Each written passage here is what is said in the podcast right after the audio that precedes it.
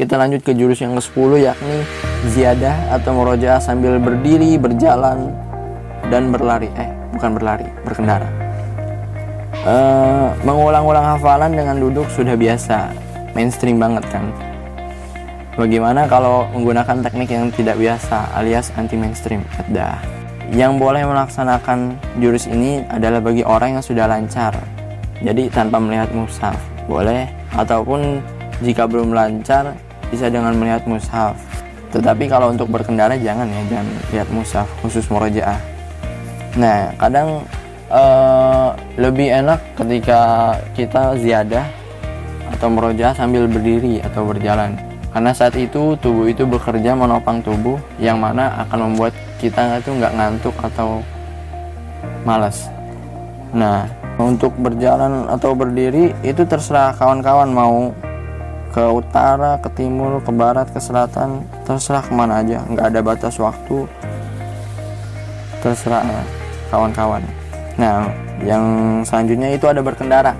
Kalau untuk berkendara sendiri, saya pernah melakukannya saat biasanya kalau lagi perjalanan nggak terlalu jauh, murojaah biasanya, murojaah jus-jus yang tidak terlalu sulit, misalnya jus 29, 30 ataupun ayat dan surat-surat pilihan.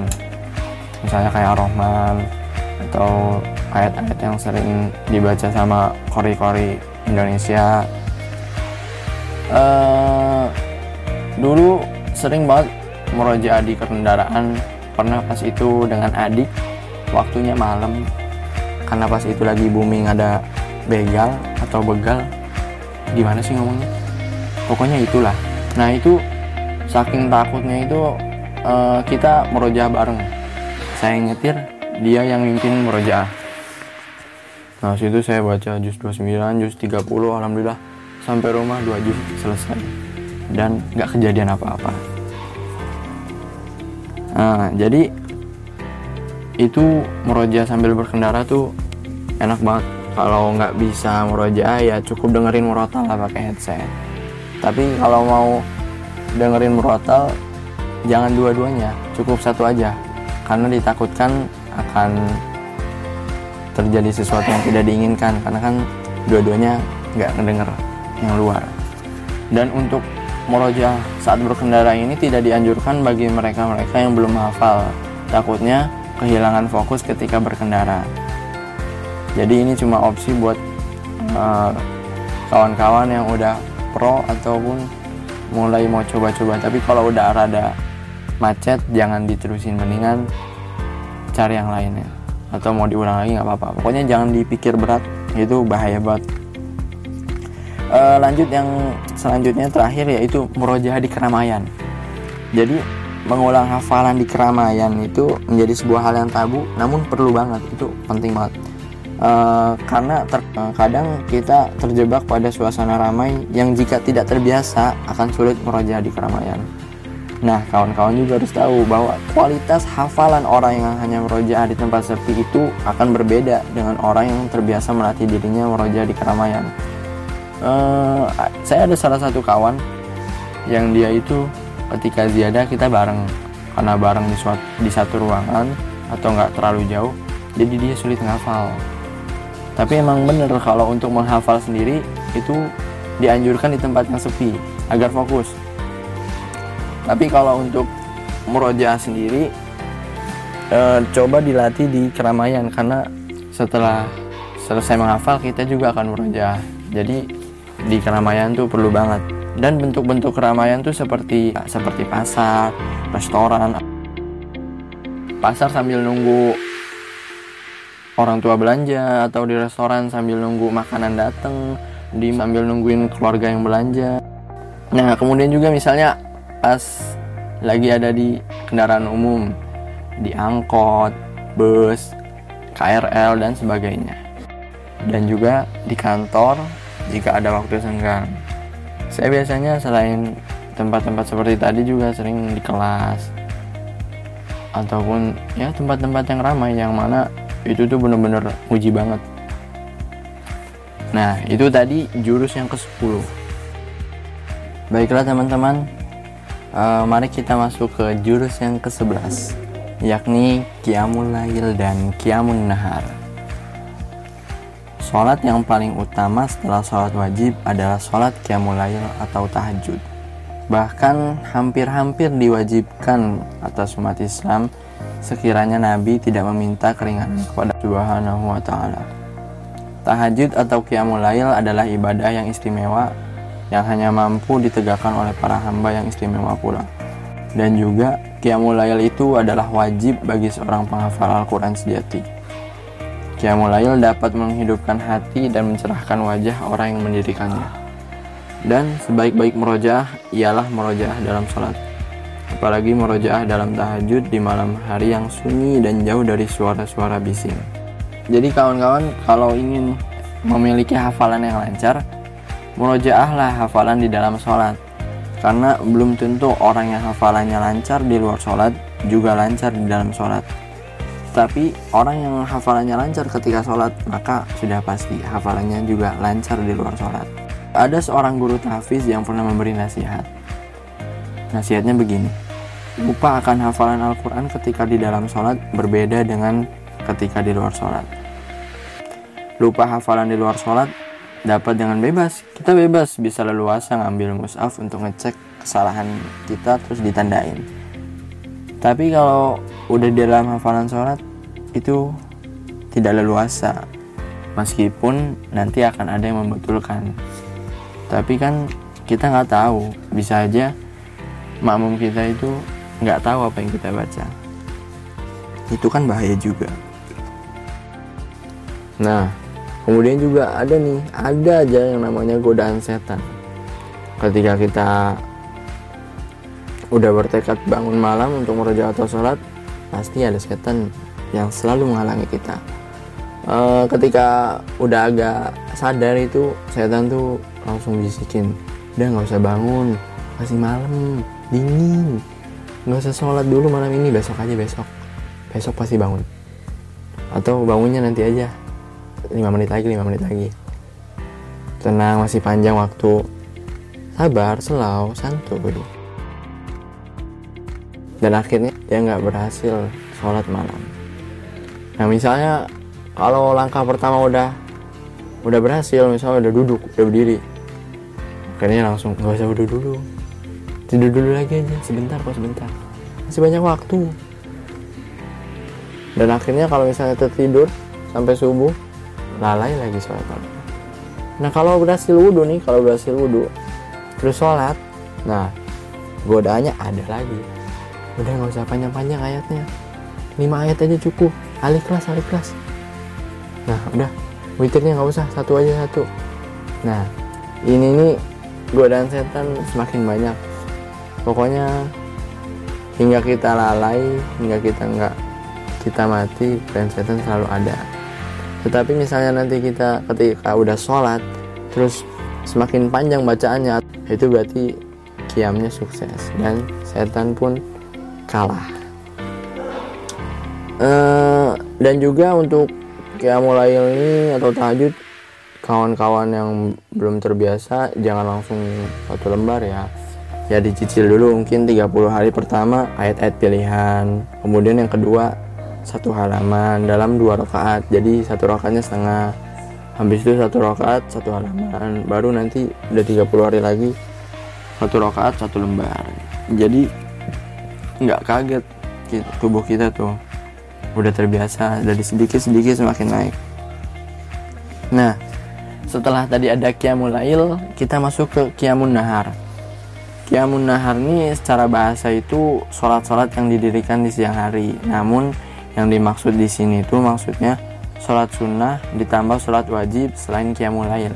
Intinya selain qiyamul lail misalnya sholat wajib yang lima, kemudian sholat rawatib, kemudian ada sholat sunnah duha, sholat syuruk, sholat setelah berwudu atau sholat mutlak dan sholat-sholat lainnya. Nah, diusahakan ketika sholat yang sunnah ini qiyamul nahar itu kita merojaah entah itu ketika sholat ataupun sebelum dan sesudah sholat. Uh, untuk mudahnya sih, misalnya contoh setiap sholat sunnah rawatib.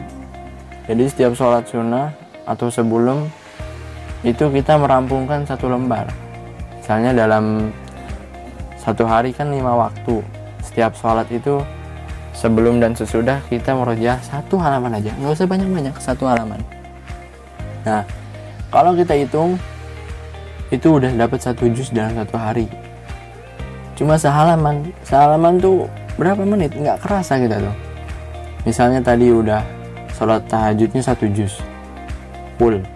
Kemudian sholat rawatibnya satu jus lagi. Nah itu udah dua juz dalam satu dalam satu hari kita bisa merojaah tanpa ada beban. Karena tahajud itu kan tadi ada enaknya karena sunyi gitu kan. Kemudian ini sholat rawatib yang nggak terlalu banyak makan waktu. Paling lama hanya 10 menit. Nah dan juga yang tak kalah penting bagi kawan-kawan yakni melancarkan hafalan dengan menjadi imam sholat. Baik pada sholat wajib maupun sholat sunnah seperti sholat tarawih. Itu jurus ke-11 ya. Kita lanjut ke jurus yang ke-12 yakni fokus ayat-ayat sulit nah tak sedikit nih kawan-kawan penghafal Al-Quran yang menghindar dan malas mengulang mengulang-ulang ayat-ayat yang atau surah atau juz yang dianggap lebih sulit atau rumit padahal justru sebaliknya bagian yang sulit itu harus lebih sering diulang agar nempel dan kokoh dalam ingatan. Fokus pada ayat-ayat sulit harus dilakukan agar ayat-ayat tersebut benar-benar menempel kuat. Uh, jurus fokus untuk bisa fokus mengulang-ulang ayat sulit yaitu dengan sering melihat mushaf binazor dulu. Sering dibaca, diulang-ulang di waktu luang atau senggang. Dan juga yang terakhir, menjadikan ayat-ayat yang rumit itu sebagai bacaan sholat misalnya ketika sholat rawatib sholat sunnah lainnya. Dan itu biasakan membaca ayat-ayat sulit. Jadi dengan terbiasa dengan ayat-ayat sulit itu kita jadi biasa. Kita jadi oh ini mudah nih jadi karena sudah terbiasa. E, bagi saya sendiri pernah sering menghadapi ayat-ayat yang sulit. Kalau ayat itu biasanya kalau banyak orang sih ya itu di surah Yusuf ada yang bilang gitu. Kemudian juga ada yang di surat Al-Qamar. Karena ada begitu banyak yang mirip kalau juz 27 karena pendek-pendek ayatnya mungkin. Nah untuk juz sendiri uh, saya sering dapat info kalau dari teman-teman penghafal Al-Quran juga katanya juz 7 tuh emang sulit ya bener apa enggak ya? Soalnya kalau yang saya rasa sih sulit juga. Emang rada-rada sih karena ayat-ayatnya itu anti mainstream banget dia. Yang biasanya begini tapi dibolak-balik itulah. Jadi untuk ketika ngafal awal tuh sulit banget. Cuma ke sini sininya alhamdulillah. Karena sering di murojaah sering dengar juga. Nah ini juga tadi kalaupun nggak bisa apa fokus ayat-ayat sulitnya nggak ada waktu buat baca bisa juga dengan murotal ya. Nah eh, biasanya ayat-ayat sulit ada alasannya misalnya karena ayat-ayatnya itu mirip atau serupa. Dan juga tidak sedikit ada ayat yang mirip yang itu tuh dalam satu surah ataupun dalam satu juz. Tapi lebih seringnya kita temui beda jus uh, kalau di Quran yang sebelumnya saya rekomendasiin itu tuh ada ada catatannya di setiap halaman. Misalnya ayat ini mirip dengan ayat yang di sini. Jadi kita tuh nggak perlu kaget nanti misalnya ketemu ayat ini oh ini ayat yang pas ini. Yang pas itu pernah ada di juz sebelumnya. Nah itu jurus yang ke-12 oke kawan-kawan uh, kita lanjutkan ke jurus yang ke-13 yakni murojaah santai. Uh, murojaah santai ini dilakukan di saat-saat luang dan santai. Seperti ketika menunggu waktunya berbuka puasa ketika menunggu kendaraan umum menunggu menunggu dagangan kios warung atau toko bagi para pedagang. Uh, dalam riwayat juga pernah disebutkan Aisyah menceritakan tentang satu amalan Nabi Shallallahu Alaihi Wasallam bahwa Rasulullah Shallallahu Alaihi Wasallam bersandar di pangkuanku ketika aku sedang haid dan beliau membaca Al-Quran. Hadis riwayat Bukhari dan Muslim. Nah, eh, adapun mengenai ayat surah atau juz yang dimerajaah bisa ditargetkan, namun biasanya lebih spontan atau acak, tidak teratur atau berurutan merojahnya. Bedakan antara jurus menghafal dengan murojaah. Murojaah bisa sedikit lebih santai. Penghafal Al-Quran yang menghafal dengan metode tidak pasti atau acak ibarat menghafal dengan jurus cakar ayam. Nyakar. Salah satunya beberapa cara murojaah santai yang pertama adalah perbanyak binazor. E, ketika Imam Bukhari ditanya tentang obat lupa, beliau menjawab, senantiasa melihat ke kitab. Uh, tidak dinafikan bahwa indera penglihat atau visual merupakan salah satu cara manusia merekam sesuatu. Untuk itu, selain menghafal dengan mendengar, juga dikuatkan dengan menghafal melalui visual. Bin nazar atau dengan melihat tidak harus sambil membaca. Perhatikan awal-awal halaman, awal-awal ayat, dan setiap ayat utuh serta fokus akhir-akhir ayat. Karena pentingnya melihat musaf dalam melatih penguasaan posisi ayat, halaman maupun menghafal nomor ayat. Para penghafal Quran senior pun sering mengulang murojaah hafalan sambil sesekali melihat mushaf Al-Quran. Nah, jadi eh, kita berbanyak binazor dengan berbanyak melihat kita bisa tahu awal ayat, awal halaman dan posisi-posisi setiap ayat. Kadang ketika kita baru menghafal itu tuh ada sedikit kesalahan. Uh, kesalahan awal-awal para pemula itu jadi sering lupa ataupun ketuker karena jarang melihat musaf. Uh, dulu juga saya seperti itu. Ketika baru menghafal juz satu pernah agak bingung di halaman di lembar keempat dan lembar kelima karena posisi ayatnya hampir mirip. Nah itu wajar saja karena kita jarang melihat. Kita lebih sering mencoba untuk goib atau tidak melihat. Itu tuh terus Qurannya. Dikit-dikit dibuka baru padahal lebih baiknya adalah dengan sering banyak melihat. Karena dengan banyak melihat kita bisa tahu posisi yang benar dan bisa membandingkan dengan ayat-ayat yang kemungkinan tertukar itu tinggi. E, cara kedua yaitu dengar. Dengarkanlah. Di antara jurus ampuh dan mudah menghafal terutama merojaah pasif adalah dengan hanya mendengarkan. Jadi pasif gitu kan. Kita hanya sebatas mendengarkan morotal habis itu bacaan orang lain baik itu ketika sholat ataupun tasmi hafalan. E, biasanya sih orang-orang lebih mengacu pada murotal karena murotal simple dan bisa sambil mengerjakan tugas lainnya. Adapun bedanya dengan visual karena ini murojaah pasif jadi kalau sedikit mendengar maksudnya tidak terlalu sering atau tidak rutin itu kurang berdampak tetapi kalau sering mendengar alias rutin menyetel audio rotal sebagainya itu tuh akan berpengaruh banget. Karena dia akan merojaah secara tanpa disadari. Maksudnya di luar otak lah gitu. Tiba-tiba nyambung aja nyerobot tapi nggak tahu ini surat apa gitu. Nah itu sering di, dilalui oleh para penghafal Quran. E, sedangkan untuk model merojaah intensif bisa di custom masing-masing sesuai keadaan hafalan sekarang. Misal ada yang udah lebih dari 10 atau seterusnya ataupun kurang bisa ditargetkan perharinya. Minimal seminggu itu hafalan itu diputar. Jadi misalnya hafalan 3 juz berarti dalam seminggu tuh harus sudah merojaah 3 juz. Atau minimal kalau mau bisa lebih. Misalnya seminggu dua kali hatamnya. Jadi tiga jus dua kali Senin satu jus Selasa satu jus dan seterusnya. Jadi tergantung kawan-kawan mau frekuensi murajahnya berapa banyak dalam satu minggu.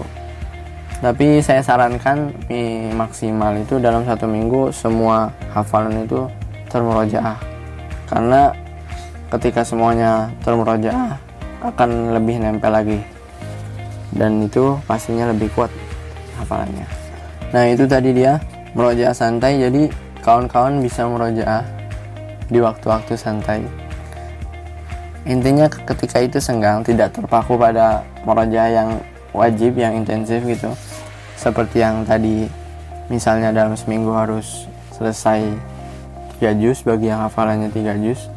Nah moroja santai ini kalian bisa fokus merojah ke ayat-ayat yang baru dihafal ataupun ayat-ayat yang menurut kawan-kawan cukup sulit karena mungkin masih kurang banyak diulang. Nah, itu bisa di merojah ketika merojah santai juga. Nah, itulah jurus ke 13. Kita masuk ke jurus yang ke-14, kedua terakhir, yakni tasmi hafalan. Eh, kawan-kawan uh, semua bagi yang belum tahu tasmi itu artinya memperdengarkan hafalan. Jadi kita memperdengarkan kita melafazkan dan nanti orang lain mendengarkan menyimak. Tapi kalau tasmi ini biasanya lebih banyak orangnya. Uh, jadi tasmi hafalan menyimakkan hafalan kepada orang lain akan membuat hafalan semakin kokoh. Karena terkadang seorang seseorang itu terlalu yakin dengan hafalannya sendiri, tetapi ketika disetorkan kepada orang lain akan dijumpai banyak kesalahan. Pernah terjadi pada diri saya, eh, ketika itu udah yakin banget uh, halaman ini tuh uh lancar, nggak ada salah apa pun. Ternyata pas dicek ada banyak banget kesalahan dari harokatnya, terus cara bacanya, dan juga salah baca huruf. Manfaat dari tasmi ini yaitu menumbuhkan semangat dan percaya diri. Selain tentunya akan semakin giat merojaah karena sebelumnya telah dipersiapkan dengan sebaik-baiknya dan selancar-lancarnya.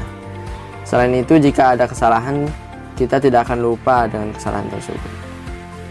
Oh iya, tasmi hafalan juga banyak bentuknya. Ada yang tasmi fardi, yaitu memperdengarkan hafalan kepada seorang atau teman saja. Ada tasmi jam'i. Nah, kalau tasmi jam'i ini memperdengarkan hafalan Al-Quran kepada khalayak umum biasanya di masjid atau pada momen tertentu misalnya pas kelulusan. Atau uh, ada beberapa pesantren yang melaksanakan tasmi kubro atau tasmi akbar. Intinya ketika itu ada banyak santri-santri yang tasmi dan itu nggak sedikit. Seminimalnya mungkin 15 hingga 30 agenda tasmi ini sangat penting karena tidak sedikit penghafal Al-Quran yang merasa hafalannya sudah baik. Padahal hafalannya belum teruji. Oleh karenanya tasmi fardi terutama yang jam ini yang jamai uh, ini akan menunjukkan kualitas hafalan sebagai ajang pembuktian hafalan yang baik di depan publik. Kemarin ketika saya sudah ada cukup banyak hafalan kemudian ketika ingin lanjut itu tidak diperbolehkan oleh musyrif uh, dan akhirnya sebagai syarat untuk menambah hafalan itu harus tasmi dulu. Ketika itu tuh tasmi 10 juz. Uh, dan akhirnya dengan susah payah merojaah ulang dan juga menguatkan hafalan yang baru dalam satu bulan tasmi walaupun selama tasmi itu ada banyak sekali kesalahan. Tapi alhamdulillah bisa lanjut akhirnya. Hingga saat ini. Jadi kadang ada beberapa pesantren ataupun lembaga yang mewajibkan tasmi sebelum naik ke jus selanjutnya. Biasanya ada juga di halako saya dulu. Ketika ingin lanjut jus itu kalau nggak tasmi sambung ayat. Karena pas itu sambung ayatnya itu mundur. Jadi kita banyak yang kewalahan.